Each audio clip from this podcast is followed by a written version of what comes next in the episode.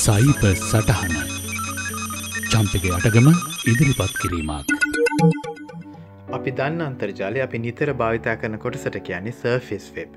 අපි Chrome Internet Explorer හෝ ජංගමුදුරකතනාදීන් අන්තර්ජාලයේ තියෙන විස්තර සැනින් පරිශීලනය කරන්නේ ඔය සර්ෆිස් වෙබ් එක ඇතුළේ නමුත් විශ්වාස කරන්නේ අන්තර්ජාලයෙන් සියට පහක් පමණයි. ඉතිරි සියට අනූපහට කියන්නේ ඩීප් වෙබ් කියලා. ඩීප් වෙබ් කියන විශේෂ දෙයක් නෙවේ එය සාමාන්‍ය බ්‍රවසරකට අපි කෙනවා ක්‍රෝල් කරලා හොයාගන්න බැරි තත්ව ඇති ඉන්ඩෙක්ස් නොවෝ නෑම දත්වයක් උදාහනයක් විදිට ඔබගේ බැංකු ගිනුම වෙන කෙනෙකුට Google කරලා හොයාගන්න බැහැනි ඒ ඔබට විතර විවෘත වෙන්නේ. ඔබේ ෆස්බුක් ගිනුමත් එහෙමයි. කොටිම පාස්සඩාදිය ආරක්ෂා කල තින ඕනම එකක් තියෙන අනිවාරයම ඩීප් වෙබ් එකේ. සමහර හිතනවා ඩීප් වෙබ් කියන්නේ ඩාක් වෙබ් කියන එකටමයි කියලා. කොහෙත්ම නෑ. ඩක් වෙබ් කියන්නේ මේ ඩීප් වෙබ් එක ඇචුලි තියෙන ඉතා පොඩි කොටසකට. හැබැයි යට යන්න බැහැ සාමාන්‍ය විදියට. එකට විශේෂ ක්‍රම තියෙනවා. ඒ ක්‍රමෙන්නේ ඇතුළට ගියාම ඒ අනගේ අනන්‍යතාවේ හොයාගන්න බැහැ. එනිසා එයට ඩාක් වෙබ් කියන්නේ එමනතු නරක තැනක් කියන අර්ථයෙන් නෙවේ මේ ඩාක් වෙබ් ඉතා සරලෝ පැහැදිලි කරන්න මම හිතුව පොඩි උදාහරණයක් යොදාගෙන. හිතන්න අන්තර්ජාලය කියන්නේ ලොකූ ගොඩ නැගිල්ලක් කියලා. එක සර්ෆෙස් වෙබ් එක කියන්නේ අමුත්තන්ගේ කලාපය වගේ. එතන නෝනැමගෙනකුට දකින්න තියෙන දේවල් තියෙනවා. එක එක ෂෝරුම් තියෙනවා පත්තර පොත්තියලා තියෙනවා කියවන්න. එක තමයි සර්ෆෙස් වෙබ් එක. ගොඩනැගිල් එතනින් එහාට සිය අනුපාක් විතර තියෙන ලොක් කරපු කාමර. ඔබේ යතුරින් විතර කරන්න පුළුවන් ඔබේ කාමරත් තියෙන එතන. නමුත් ඒ කාමර ඔක්කොම තියෙන ඩීප් වෙබ් ඔය දෙක එකතුව කියන්නේ ඩීප් වෙබ් සහ සර්ෆෙස් වෙබ් දෙක එකතුව තමා අපිත නන්තර්ජාලය හැබැයි ඔ ඩීප් වෙබ් එක ඇතුළේ ඒක අනර ලොක්කරපු කාමර තියෙන පැත්තේ එක ලොකු කාමරයක් තියෙනවා ඒකට අපි ගමු කළුවර කාමරය කියලා එක ලොක් කරල නම් නැහැ හැබැයි ඒක ඇතුළට යන්න සාමාන්‍ය විදියට බෑ නමුත් ඒට ඇතුළු නාම ඔබේ මුහුණ පහපු කෝනි බිල්ලෙක් තත්වට ඔබ පත්වෙනවා කෙළ හිතන්නකෝ. එනිසා එතන වෙන ගණු දෙනුවලදි සම්පූර්ණ රහස්‍ය භාවයක් තියෙනවා ඔබ අනන්නතාවේ හෙළි නොවෙන නිසා. මේ කාමරයට තමා ඩාක් වෙබ් කියන්න. මම හිතන්න මේ නොබට යම් අවබුදයක් එන්නති සර්ෆෙස් ඩීප් සහ ඩාක් වෙබ් කියන කොටස් තුන ගැන.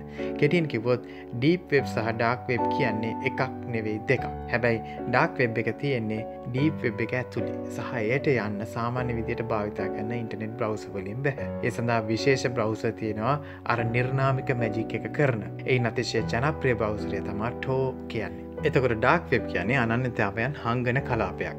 ඒ නිසාම තමා මේක නරක වැඩවලටත් තෝතැන්නක් වෙලා තියෙන්නේ. ඩාක් වෙබ් එක ඇතුළි නීතිවිරෝධී මත්‍රව්‍ය අවියායුධ කුලි ඝාතකයන් කුලි හැකර්ස්ලස් ළමා අසභ්‍ය අඩවි සොරකම් කරපු ක්‍රඩිට් කාඩ් විස්තර ශරීරාවය වජාවාරම ත්‍රස්තවාදී කණ්ඩෑමවලට අදල්ල ප්‍රචාරක විස්තර ආදී විස්තර සෑහෙන හුමාරු වෙනවා.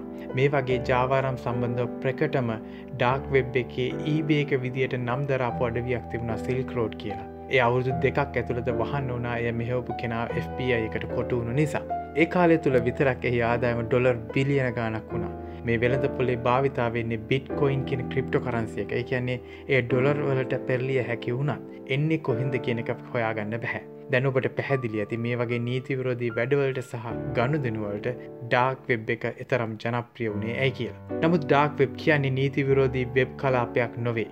නීතිවිරෝධී වැඩවලට යොදා ගත්තට. තමන්ගේ අනන්‍යතාවය රහසක් වෙන නිසාම ඉන් සාධනය ප්‍රයෝජනත්තින් විශාල වශයෙන් වෙලා තියෙනවා. සමහර රටවල රාජ්‍ය තම වැසියන්ගේ අන්තර්ජාල භාවිතාවට ඇහැගහගෙන ඉන්නේ අපේකට කෙන ස්ටේට් සවයිලන්ස් තවත් සමහර රටවල අන්තර්ජාලය සමාර කොටස්වලට යන්න දෙන්නෙම නෑ අදහස් ප්‍රකාශ කිරීම රාජ්‍ය විසින් සීමා කරලා තියෙන. ඉතින් මේ වගේ රටවල ජනතාවට තමන්ගේ පුද්ගලික රහස් භාවය වෙනුවෙන් ඩාක් වෙබ් එක අස්වැසිල්ලා. සමහර රටවල ජනමාධ්‍යවේදී නිතා සංවේදී තොරතුරු අන්තර්ජලය හරා හෝමාරු කරගන්නේ මේ ක්‍රමෙන්. ඔබට මතක ඇති විකිලීක් සරහා අති විශාල ඇමරිකානු රාජ්‍ය රහස් ප්‍රමාණයක් ලෝකෙට ඔවුන් හෙළිකරා ඔවුන්නේ තොරතුරු ලබාගතේ ඩාක් වෙබ් හරහා. ප්‍රසිද්ධ මාධ්‍ය ආයතනවලට ඔවුන්ගේ ඩාක් වෙබ් අඩවිතියෙනවා වැදගත් තොරතුරු නිර්නාමිකුව දීමට අවස්ථාවක් ලබා දෙන්න.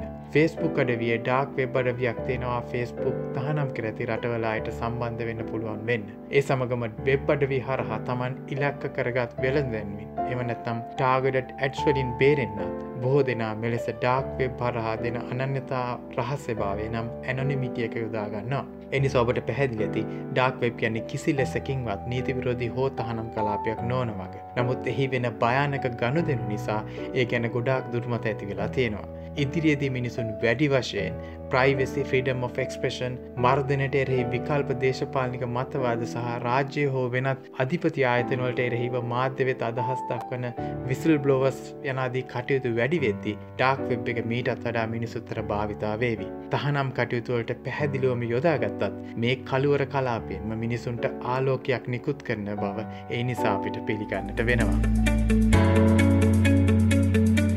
අදත් ඔබට සයිබ සටහන ගෙනා මම ජම්ප එක ඇටගම්.